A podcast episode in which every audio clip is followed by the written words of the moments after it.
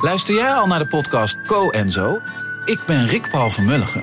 Ik ben Nina de Lacroix. En samen met jouw man René voeden wij twee kinderen op in twee huizen. Co-ouderschap. We hebben het over alles wat je daarin tegenkomt.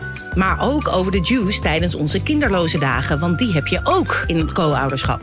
Een podcast voor alle ouders in alle vormen, maar ook voor alle mensen zonder kinderen. Zijn we eerlijk, heerlijk herkenbaar. Dus luister naar Co en Zo in je favoriete podcast-app.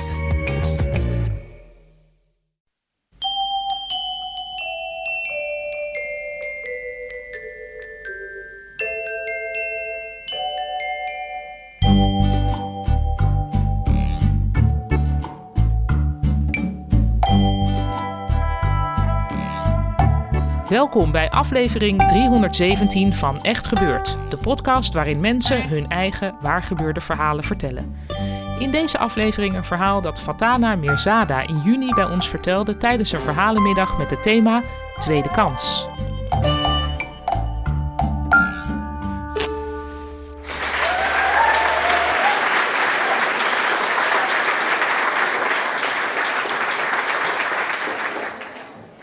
Ik was zeven jaar toen ik hier in Nederland aankwam.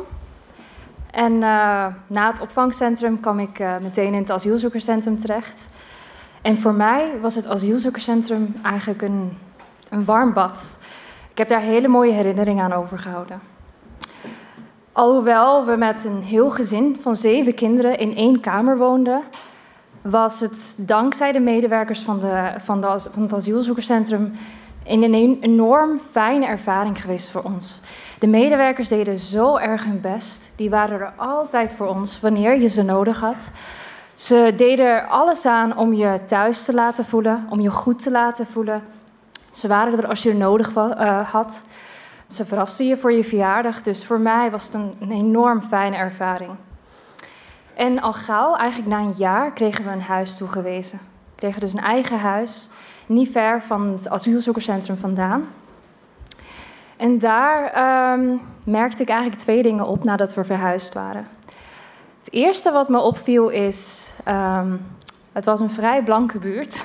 het was niet meer zo divers als het asielzoekerscentrum. Ja, we waren eigenlijk de enige gekleurde moslimfamilie in de buurt. En het tweede wat me opviel, um, de mensen waren niet vriendelijk. niet zo vriendelijk als het asielzoekerscentrum. Dus um, toen we daar net verhuisden, ik was toen negen jaar inmiddels, ik zwaaide dan naar de buurman en ik uh, groette hem dan. Ja, dan keek hij me aan en draaide zich om, liep hij gewoon door. En uh, dat was niet alleen bij mij, maar als mijn vader boodschappen aan het uitladen was en de buurman liep langs, dan groette hij ook. Uh, maar dan zag ik de buurman ook omdraaien en doorlopen. Dat kon een andere buurvrouw zijn. Maar niemand schonk echt aandacht, dus ik dacht dat dat normaal was. Ik vond het wel jammer. Maar ik dacht, misschien is het normaal. Misschien hebben mensen niet echt interesse in elkaar. Misschien groeten ze elkaar niet. En is dat gewoon normaal? Gelukkig had ik in die tijd wel een hele goede vriendin gemaakt. Um, en na een tijdje is die uh, vriendin die in de buurt woonde ook naar me toegekomen en die zei: Heb je het gehoord? En ik zei: Ja, nee. Uh, wat is er gebeurd? Ze zei: Ja, ik heb gehoord van mijn moeder dat de buren elke week bij elkaar over de vloer samenkomen, elke keer weer bij iemand anders thuis. En dat ze dus dan gaan bespreken hoe ze jullie uit de wijk krijgen. En ik was toen nog negen, dus ik begreep het niet echt. Ik dacht, oké, uh, dat is wel gemeen. Uh, maar ze zei, ja, ik heb het gehoord van mijn moeder, want ze vertellen dit aan mijn moeder. Uh, en uh, wat ze doen is, ze houden jullie in de gaten. En als jullie iets verkeerds doen, dan schrijven ze dat op. En dan um, maken ze een brief. En die brief sturen ze dan naar de gemeente met het verzoek om jullie te verwijderen uit de buurt. En ja, ik vond het nogal vreemd en, en, en, en naar om te horen. Maar het kwartje viel ook meteen. Want ik dacht, nu begrijp ik waarom mijn overbuurvrouw en mijn overbuurman altijd voor de raam staan als we binnenkomen. Als we naar huis komen of als we naar buiten gaan. Dan staan ze altijd voor de raam. En ik kijk, die staren dan uh, totdat we binnen zijn of totdat we weg zijn. Of als ik mijn fiets voor, voor de deur zet. Die, blijven, die bleven dan altijd staren. Dus nu begreep ik waarom ze staarden. Dus die hielden ons effectief in de gaten. En die zochten dan naar een excuus voor iets dat we dan verkeerd deden om ons dan ehm, daar weg te krijgen. Ehm, ik heb dat laten zitten. Uh, ik heb het niet aan mijn ouders verteld. Ehm, ik weet ook niet waarom. Ik denk dat ik dacht, het is niet nodig om te vertellen, want dit escaleert alleen maar, krijgen we alleen maar ruzie van. Dus ik heb het gewoon voor mezelf gehouden. Een paar dagen later was ik met, een vriend, met vriendinnen aan het spelen voor de garages. Voor de garage van ons huis. En, uh, en op een gegeven moment stond ik voor de garage van de buurman. En uh, op dat moment doet de buurman zijn garagedeur open. En ik was toen vrij mager en klein. En op het moment dat hij zijn garagedeur open doet, slaat hij hem eigenlijk mee met zijn garage een paar meter verderop van de straat weg. En daar lig ik dan op de grond uh, met een gescheurde, een open knie en mijn broek opengescheurd en schaafwonden op mijn handen. En ik lig daar geschrokken en verward en ik kijk naar hem op en ik denk, nu komt hij vast naar me toe. Uh, om te vragen, gaat alles goed? Uh, sorry, uh, ik wist niet dat je achter de garage stond. En ehm, ik zie hem kijken, hij draait zich om, hij doet zijn garage dicht en hij loopt rustig verder weg. En daar lig ik dan, geschrokken en verward op de grond. En ik voelde me, um, ja, ik voelde me vooral vernederd, want het gebeurde voor al mijn vrienden. Iedereen keek toe, al mijn vrienden keken toe hoe mijn eigen buurman mij op de grond achterliet. Ik dacht, als ik een dier was geweest, dan was hij alsnog naar me toe gekomen te kijken of ik nog leefde, of het alles oké was. En uh, hij um, uh, liep gewoon weg compleet vernederd, verward en op een gegeven moment ook boos en kwaad, want ik had er genoeg van. Ik dacht, ja, dit is zoveel dat op je afkomt als kind. Ja, ik was, ik was heel erg kwaad. En ik wilde vooral wraak. Want ik dacht, dit doe je een kind niet aan. Dit doe je een gezin niet aan. We zitten hier met volle hoop. En dat dacht ik, toen ik in het asielzoekerscentrum zat, dacht ik echt dat dit, dit het nieuwe land was. Dat iedereen ons zou accepteren. Dat we. Dat mensen ons zouden zien en dat we, dat we nieuwe vrienden zouden maken. Dat we een nieuw begin zouden maken, hebben. Maar dit was best wel rauw en pijnlijk.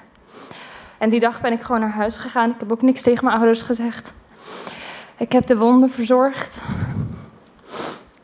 En uh, um, het was eigenlijk een dag of twee later dat ik mijn moeder zag koken.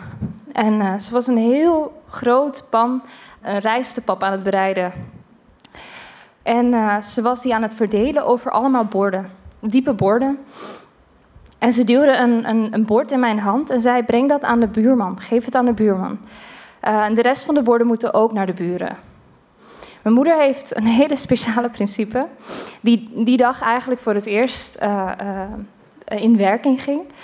Um, in de islam heb je eigenlijk vijf zuilen. En een van de zuilen is zakat, noemt dat. En dat is dat je geeft aan de armen, je geeft aalmoezen. En mijn moeder interpreteerde dat als volgt. Ze vond dat de zeven buren aan de linkerzijde en de zeven buren aan de rechterzijde financieel goed moesten hebben voordat ze het geld die ze over zou hebben, te veel zou hebben, zou, gebruiken om naar Mekka te gaan, wat de laatste zuil is. Dus um, ze vond het belangrijk dat iedereen dat het geld die ze zou hebben zou investeren in haar buurt. Maar we hadden niet veel contact met de buurt. En zo, je kan ook moeilijk bij iemand aankloppen om te vragen: hey, kunnen we praten? Heb je geld nodig? Heb je schulden? Dat is een moeilijk onderwerp. Dus wat ze dan deed en bedacht had, is om, uh, om eten klaar te maken. Een heel pan met eten. En daar kon van alles zijn: rijstepap, uh, kebab, Afghaanse rijst, van alles. Um, en dan deelden ze dat uh, uit in borden aan de buren, zodat ze minstens één keer per week, zelfs als ze het moeilijk zouden hebben, dat ze minstens één keer per week een bord warm eten op tafel zouden hebben. En verder hoeven ze niks van te weten en ze wilden ook niks terug. Absoluut nooit iets terug. Dus die dag begon het eigenlijk, dat was de eerste bord en ik moest de eerste bord aan die buurman geven. En ik zette een masker op en ik stond voor, de, voor zijn deur. En hij deed de deur open en ik zei meteen: Dag buurman. Mijn moeder heeft iets lekkers klaargemaakt en um, we hoeven er niks voor terug, maar het is voor jullie en ik hoop dat, het, dat jullie het lekker vinden. En ik zag de verwarring op zijn gezicht en hij was uh, enorm verward. En hij keek me aan en het bord terug naar mij en uh, zei dankjewel en deed de deur meteen dicht. En zo ging ik door. Ik ging langs alle huizen in onze buurt, links en rechts en ook aan de overkant. En uh, in de loop van de week kwamen de borden langzaam terug. Volgende week op woensdag stond ik er weer. Weer met een nieuw bord eten. En weer deelde ik het uit en zei: We moeten er niks voor terug. Het bord gewoon leeg teruggeven. Het is voor jullie. En uh, weer in de loop van de week kwamen de borden langzaam terug. En de mensen waren heel dankbaar. Maar er veranderde iets in die weken. In de loop van de weken merkte ik dat mensen uh, blij waren om mij te zien als ik daar op de stoep stond. Um, en uh, ze groetten me vriendelijk en, uh, en zeiden dankjewel. En complimenteerden mijn moeder met zijn kookkunsten. En niet alleen als ik met iets lekkers voor de deur stond, maar ook als ik op straat liep, dan kwam er een buurvrouw naar me toe om te vragen hoe het nou eigenlijk met me ging. En hoe heet je nou eigenlijk? En ik zat inmiddels op de middelbare school, dus dat was een aantal jaren verder vroeg ze mij, ja, hoe heet je nu eigenlijk? En, en, en waar ga je naar school? En, en welk niveau doe je nu eigenlijk? En, um, en ik voelde me gezien. Ik, ik, ik zag, ik, ik voelde dat ze geïnteresseerd was in mij en dat ze wilde weten wie ik was. En, en het was zo fijn. En ook mijn ouders, eh, de buren, die ze groeten op straat en, en, en naar ze toe kwamen. Mijn moeder en complimenteerden, gesprekjes met mijn vader begonnen. Um, en, zo voelden we eigenlijk ons eigenlijk veel meer thuis. Het was alsof de sfeer compleet omgeslagen was. We kregen kerstkaarten um, of andere kaartjes. En, en, de, de, de overburen die altijd voor een raam stonden, die verdwenen ook. Die zag ik ook niet meer achter hun ramen staren. Het was ineens zo veel fijner. En mijn ouders die wonen daar nog steeds met heel veel plezier en die willen daar nooit meer weg. Um, de buurman is vele jaren later terug uh, naar mijn vader toegegaan en die heeft ook um, zijn excuses aangeboden voor die tijd. En die zei dat hij zelf door een moeilijke tijd ging en dat hij dus uh, zich misschien anders had uitgelaten en dat hij daar spijt van heeft gehad dat hij nog altijd aan terugdenkt. Um, mijn vader zei dat is oké, dat kan gebeuren. Dus dat is, dus dat is allemaal goed gekomen en het contact is ook weer goed. En, um, ik ben eigenlijk ontzettend trots op mijn moeder in dit hele verhaal, want zij heeft zoiets um, onnatuurlijks gedaan. Hè, op dat moment dat ik eigenlijk vol met dat ik zo kwaad was en ik wilde gewoon wraak nemen. Ik wilde hem pijn doen, omdat hij mij pijn deed, omdat hij onze familie pijn deed. Um, deed zij eigenlijk iets compleet tegenovergesteld. Iets ja, ik weet niet hoe in het Nederlands zegt, counterintuitive. Ze deed iets compleet tegenovergesteld van wat je van iemand zou verwachten op dat moment. En ze maakte eten klaar voor de, uh, voor de, voor de buurt. En daarom, om ervoor te zorgen dat wij zich ook veilig voelden in de buurt. Wij, voelden ons veilig op een gegeven moment. Wij voelden ons fijn in de buurt. We voelden ons geaccepteerd. Um, en dat duurde wel even, maar het is puur omdat mijn moeder daar eigenhandig voor gezorgd heeft. Dat wij dat, konden, dat gevoel uh, konden krijgen. Dus um, dit is geen pleidooi voor alle vluchtelingen om nu massaal eten klaar te maken voor hun buren.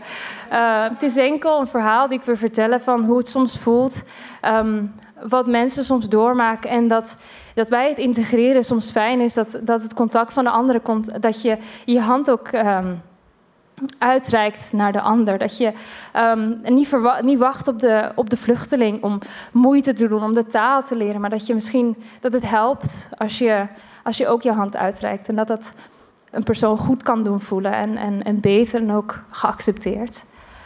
Ja, dat was mijn verhaal.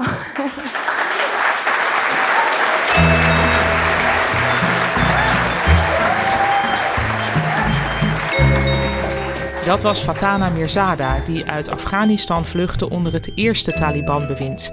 En die een verhaal vertelde dat helaas weer zeer actueel is, nu de Taliban daar opnieuw de macht heeft gegrepen. Fatana doet heel toepasselijk onderzoek naar de rol van contact bij integratie aan de Katholieke Universiteit in Leuven. Als alles meezit, organiseren wij van Echt Gebeurd dit seizoen weer elke maand een verhalenmiddag in Comedy Club Toemler in Amsterdam.